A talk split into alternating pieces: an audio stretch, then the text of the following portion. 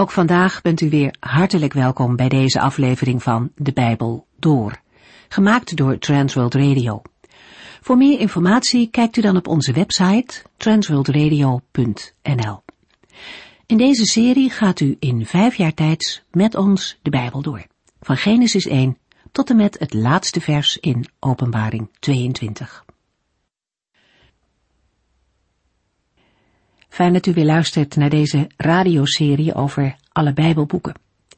We zijn inmiddels ongeveer halverwege.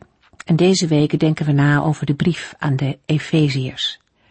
Vooral in de tweede helft is hierin veel aandacht over de uitwerking van het geloof, gewoon in het leven van alle dag. Eén ding is duidelijk geworden. Het is de bedoeling dat christen zijn zichtbaar wordt in wat we doen en wat we laten. En niet te vergeten in wat we zeggen. Het huwelijk is een belangrijke plek om dat te laten zien. Paulus gaat in hoofdstuk 5 dieper op dat onderwerp in. In het huwelijk zijn man en vrouw het beeld van Christus en de gemeente. Zoals de gemeente toegewijd is aan Christus, zo mag de vrouw dat zijn naar haar man toe. En omgekeerd moet de man zich spiegelen aan Christus in het geven van liefde.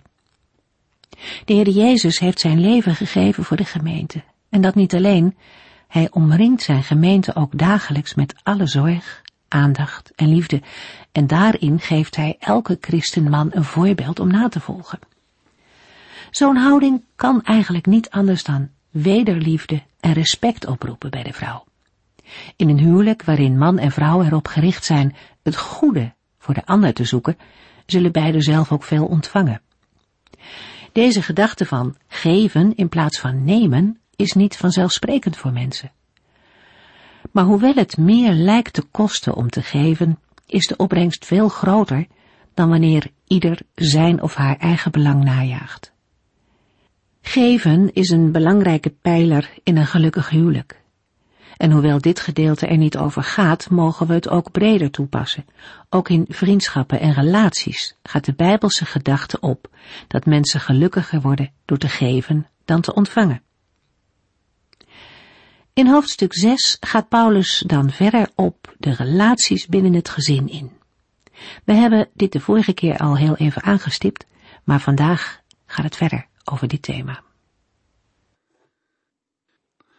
In Efeziër 6 gaat Paulus verder met de leefregels voor het christelijke gezin. Kwam in het vorige hoofdstuk het huwelijk aan de orde en het gebod van liefde en respect voor elkaar, nu blijkt dat deze dingen niet alleen voor volwassenen gelden, maar ook gevolgen hebben voor de relatie ouders en kinderen. Efeziërs 6 vers 1 Kinderen, gehoorzaam je ouders.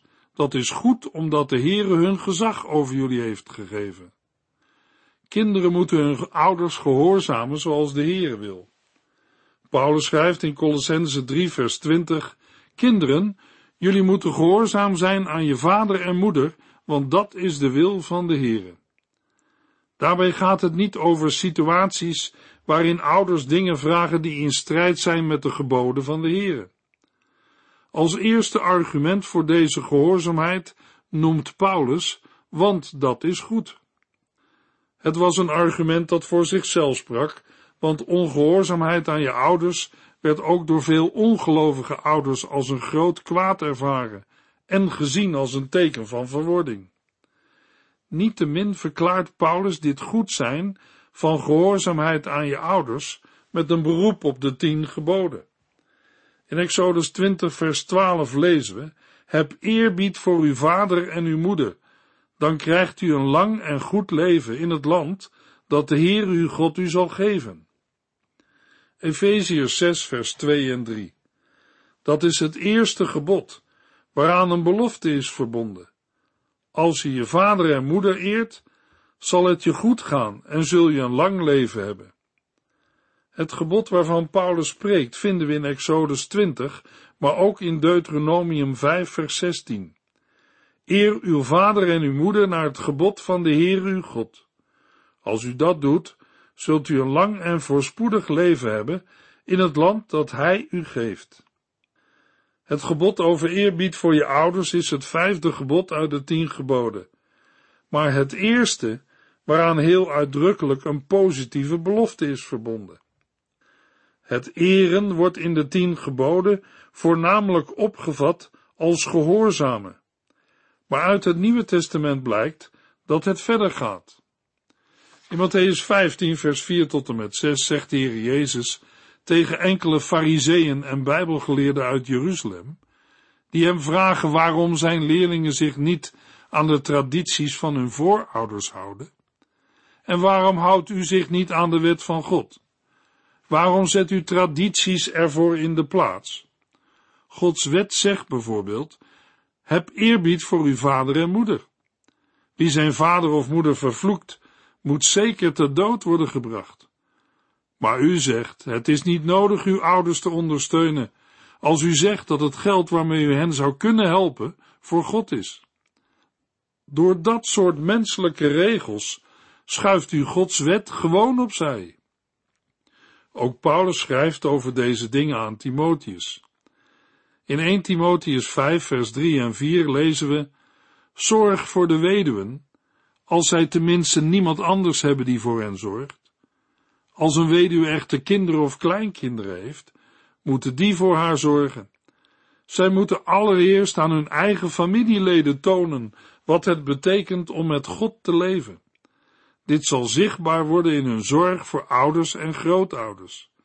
Dat is Gods wil en een vreugde voor hem.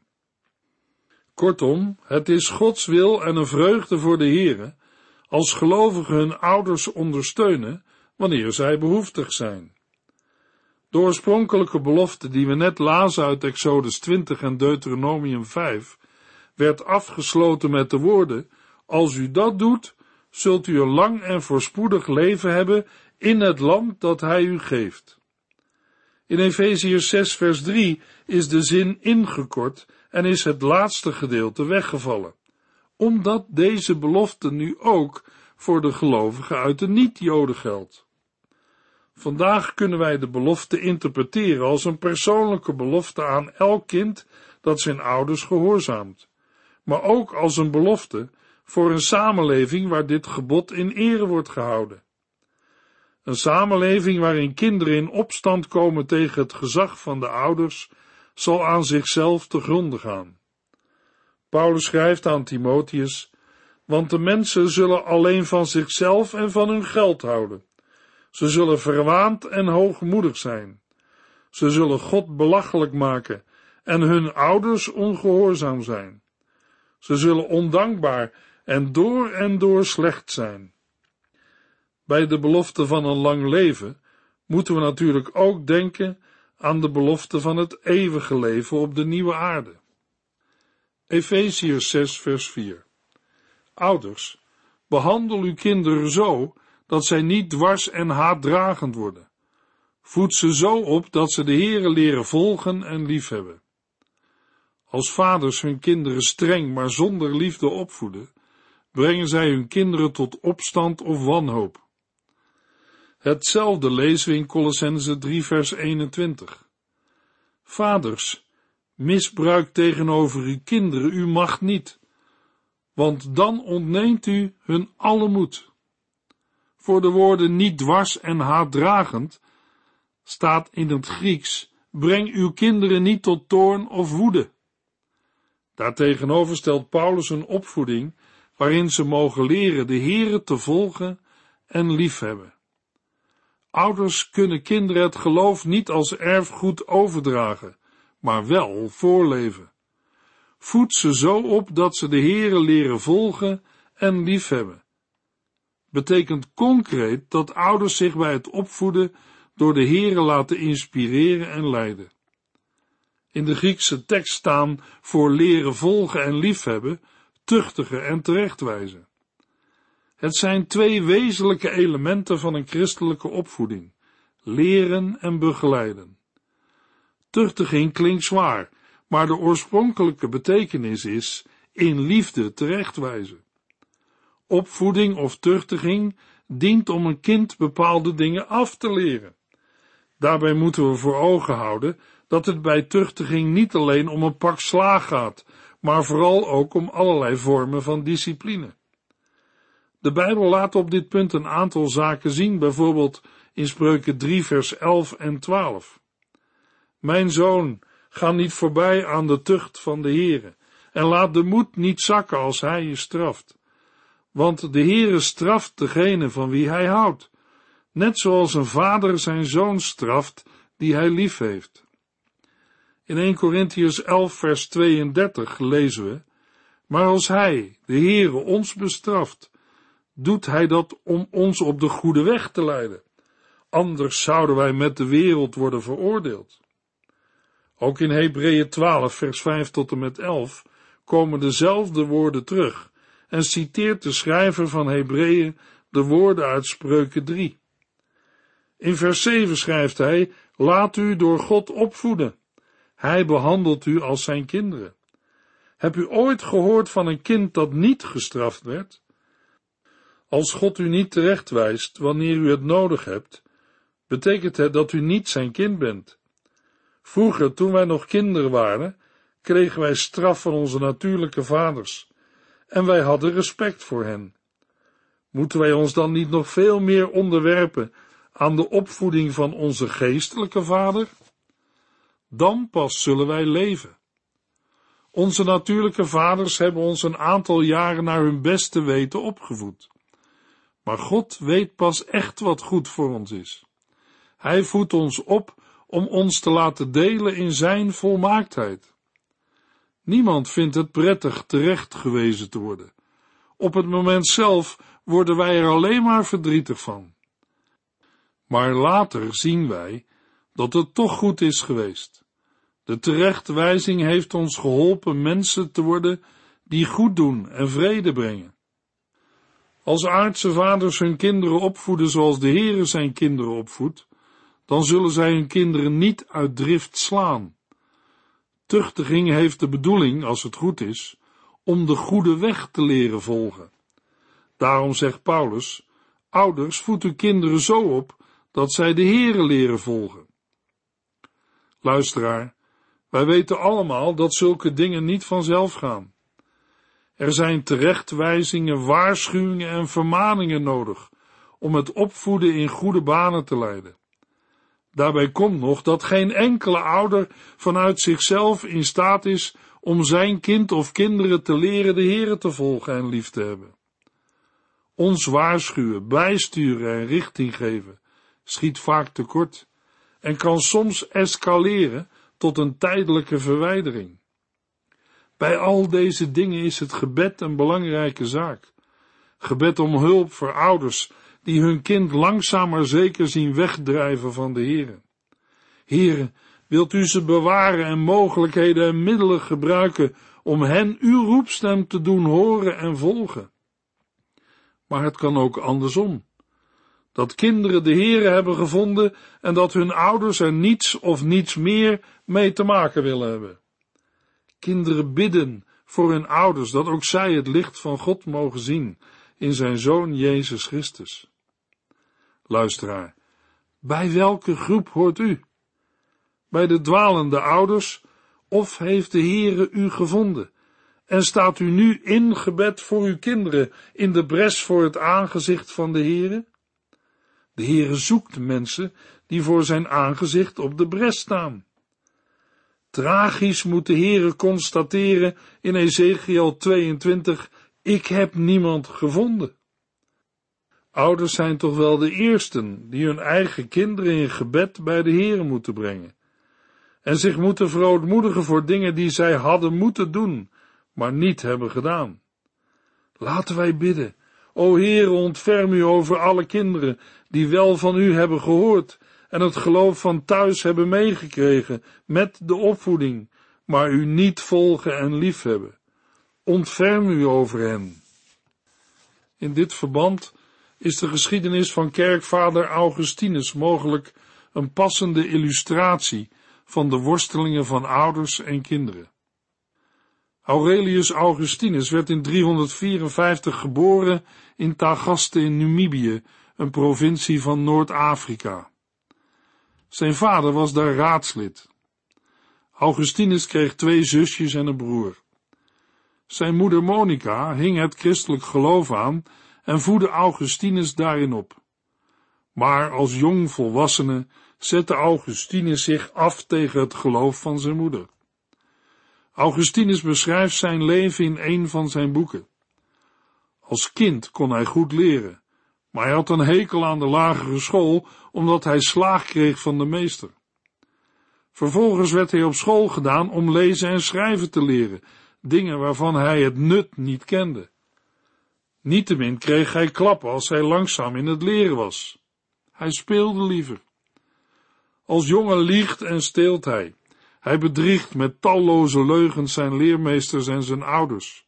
Uit speelzucht, uit verlangen om naar onbenullige vertoningen te gaan kijken en ze spottend na te doen.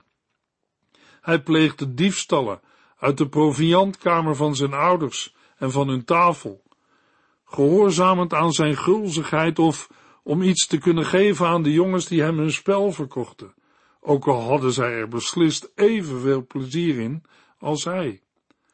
Ook bij een spel probeerde hij vaak met bedrog te winnen, overmeesterd door zinloze zucht om uit te blinken. En werd hij betrapt en aan de kaak gesteld, dan ging hij nog liever wild tekeer dan dat hij zijn schuld toegaf. Toen hij zestien jaar was, ging de waanzin van de wellust de staf over hem zwaaien. Zijn vader sterft als Augustinus zestien jaar is. Kort voor zijn dood laat zijn vader zich dopen. Na zijn verhuizing naar de grote stad Carthago in Noord-Afrika krijgt hij onderwijs in de vakken als rekenkunde, grammatica, sterrenkunde en welsprekendheid, retorica. In de havenstad Carthago zet hij de bloemetjes flink buiten. Liefhebben en liefde vinden was zijn vreugde. En toch, zo walgelijk en eerloos als hij was, hij wilde graag een fijnzinnig en beschaafd man zijn. In Carthago begint hij een verhouding met een vrouw met wie hij ruime tijd samenwoonde. Bij haar wordt hij op zijn achttiende vader van een zoon, Adiodatus. Op zijn negentiende brengt een boek van de Romeinse schrijver Cicero hem tot bezinning. Het spoort hem aan de wijsheid te zoeken. Hij gaat zich met de Bijbel bezighouden, maar hij vindt het boek te min, vergeleken bijvoorbeeld met de in zijn ogen verheven waardigheid van Cicero. In 374 wordt hij professor in de retorica te Carthago. Hij is toehoorder bij aanhangers van een christelijke gnostische secte, die in der tijd gold als godsdienst voor de elite. Maar ook daar krijgt hij geen antwoord op zijn diepste vragen. Augustinus schrijft, van mijn negentiende tot mijn 28ste levensjaar lieten wij ons verleiden en verleiden, samen met mijn vrienden, die door en met mij misleid waren. De onrust en onvrede in zijn leven wordt groter. In Milaan hoort hij bisschop Ambrosius spreken en raakt daardoor geboeid. Ambrosius neemt zijn intellectuele bezwaren tegen de Bijbel weg. Tijdens een geestelijke crisis in 386, op 32-jarige leeftijd, gaat hij lang uit liggen onder een vijgenboom in de tuin van zijn woning in Milaan. Hij praat wanhopig tegen God. Waarom niet op dit moment een eind aan mijn verfoeilijkheid? Ineens hoort hij een stem uit een naburig huis, een stem die zingt en steeds weer herhaalt, een stem als van een jongetje of een meisje, hij weet het niet. Neem en lees, neem en lees. Meteen veranderde zijn gezicht en begon hij ingespannen na te denken of kinderen bij een of ander spelletje iets van zulke woorden zingen. Het wilde hem niet te binnen schieten dat hij dit ooit ergens had gehoord. Toen bedwong hij de heftige stroom van zijn tranen en stond op. De enige verklaring die hij kon geven was dat hij van Gods wegen bevel kreeg om de Bijbel te openen en de eerste passage waar zijn oog op viel te lezen. Snel gaat Augustinus terug naar de plek waar hij een Bijbel had neergelegd. Hij pakte het, deed het open en las zwijgend de passage waar zijn ogen het eerst opvielen. Romeinen 13, vers 13 en 14. Leef zuiver, zoals het hoort. Doe niet mee aan allerlei uitspattingen waarbij eten, drank en seks centraal staan. Maak geen ruzie en wees niet jaloers.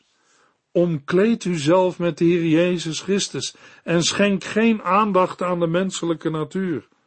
Laat uw leven beheerst worden door de Heer Jezus Christus en geef niet toe aan uw eigen wil, die alleen maar leidt tot verkeerde verlangens. Verder lezen wilde hij niet, en dat was ook niet nodig, want meteen bij het eind van deze zin stroomde er een licht van zekerheid zijn hart binnen en was al de duisternis van zijn twijfel verdwenen. Augustinus breekt met zijn manier van leven en geeft later zijn beroep op. Met een aantal vrienden en familieleden, onder wie zijn moeder Monica en zijn zoon Adiodatus, besluit hij om samen een leven van afzondering, gebed, overpeinzing en onthouding te gaan leiden. In het daaropvolgende jaar, 387, wordt Augustinus samen met zijn zoon gedoopt door bisschop Ambrosius. In afwachting van de boot in de havenplaats Ostia sterft zijn moeder Monica. Terug in Afrika sticht Augustinus in zijn ouderlijk huis in Tagaste een gemeenschap naar het voorbeeld van de eerste christenen van Jeruzalem. Zij bestuderen de Bijbel en beoefenen de wijsbegeerte. Voor deze gemeenschap schrijft hij een leefregel die tot op heden als regel van Augustinus door tal van religieuze gemeenschappen wordt gevolgd. De beroemdste woorden uit de belijdenissen van Augustinus zijn: Gij hebt ons tot u geschapen, en onrustig is ons hart, totdat het rust vindt in u. Augustinus stierf in 430 tijdens de belegering van de stad Hippo door de Vandalen. Hij behoort tot de meest invloedrijke denkers in de geschiedenis van het Westen. Efeziërs 6, vers 5 tot en met 8. Slaven, gehoorzaam uw aardse meesters met eerbied en ontzag. Dien hen met heel uw hart, zoals u Christus dient. Werk niet alleen goed als uw meester toekijkt, maar ook als hij u alleen laat. Doe uw werk als dienaar van Christus, die van ganse harte wil doen wat God vraagt. U weet toch dat de Heer u zal belonen voor alle goede dingen die u gedaan hebt, of u nu slaaf bent of vrijman. Net als in Colossense 3 vers 22 tot en met 4 vers 1 gaat Paulus vrij uitgebreid in op de verhouding tussen slaven en meesters. Hij belicht hun relatie vanuit de absolute heerschappij van Christus over zowel slaven als heren. Slaven moeten hun aardse meesters gehoorzamen. Het is een indirecte verwijzing naar de enige werkelijke meester, Jezus Christus. Met eerbied en ontzag is een uitdrukking die Paulus wel vaker gebruikt om ontzag, eerbied en respect aan te geven. Waarschijnlijk gaat het bij deze woorden ook om een verwijzing naar ontzag voor Christus. Met zoals u Christus dient, wordt bedoeld dat de slaven het dienen van hun meesters moeten opvatten als een dienen van Christus. Luisteraar, hier zijn ook dingen voor ons te leren over onze huidige werkverhoudingen en opvatting. Hoe gaan christenen met hun collega's en baas om? Natuurlijk zijn er nog veel meer vragen over deze materie te stellen. Belangrijk is dat wij niet alleen ons best doen als de baas toekijkt, maar ook als hij of zij er niet bij is. Paulus schrijft aan de christenslaven in Efeziërs 6 vers 7, Doe uw werk als een dienaar van Christus, die van ganse harte wil doen wat God vraagt. Ook vers 7 heeft sterke overeenkomsten met Colossense 3. Paulus plaatst met deze woorden het bestaan van een slaaf in een nieuwe dimensie, namelijk dat zij in hun dienen niet in de eerste plaats hun meesters dienen, maar Christus. Daarmee kunnen en mogen zij het werk dat hun wordt opgedragen zien als de wil van God. Historici schatten in dat de helft van de 120 miljoen mensen die in het Romeinse Rijk leefden, slaven waren. Het christendom heeft nooit het kwaad van de slavernij aangevallen, wat niet wil zeggen en betekent dat zij de slavernij goedkeurden. Eerder hebben christenen zich om slaven bekommerd en hen bemoedigd in hun vernedering. De verkondigers van het evangelie hebben slaven verzekerd van hun vrijheid in Christus. Massa slaven kwamen tot geloof in Jezus Christus. In Romeinen 16 komen een aantal van hun namen tegen. Ook waren er onder de gelovigen zelfs leden van de keizerlijke garde. Efeziërs 6 vers 8 U weet toch dat de Heer u zal belonen voor alle goede dingen die u gedaan hebt, of u nu slaaf bent of vrijman. De gelovigen weten dat zij loon zullen ontvangen voor hun goede werken. Colossense 3 vers 24 U weet immers dat de Heer u zal belonen met een deel van de erfenis, want u dient de Christus als Heere. En in 2 Korinthe 5 vers 10 lezen we, want wij zullen allemaal eens voor Christus rekenschap moeten afleggen. Dan wordt alles blootgelegd. Ieder van ons zal krijgen wat hem toekomt, voor wat hij in zijn aardse lichaam heeft gedaan, goed of kwaad. Ook al worden de gelovigen door het geloof uit genade gerechtvaardigd, het betekent niet dat zij op zichzelf gericht mogen leven. Er wordt van hen verwacht dat zij het goede zullen doen. De gelovigen zullen het goede dat zij gedaan hebben van de Heere terug ontvangen.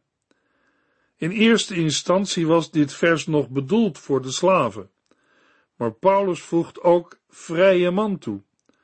Voor slavenmeesters en bazen geldt dezelfde regel. In de volgende uitzending lezen we Efeziërs 6 vers 5 tot en met 10. U heeft geluisterd naar De Bijbel Door, in het Nederlands vertaald en bewerkt door Transworld Radio. Een programma waarin we in vijf jaar tijd de hele Bijbel doorgaan. Als u wilt reageren op deze uitzending of u heeft vragen, dan kunt u contact met ons opnemen. Tijdens kantooruren kunt u bellen op 0342 47 8432 0342 47 8432. Ook kunt u een e-mail sturen naar de Bijbel door at en natuurlijk kunt u ook via de post ons bereiken. TWR, postbus 371, postcode 3770, AJ in Barneveld. Dit programma werd gepresenteerd door Cor Weda en Ike André. Techniek was in handen van Odin van Voerkom. En wij allemaal bedanken u voor het luisteren. Graag tot de volgende keer.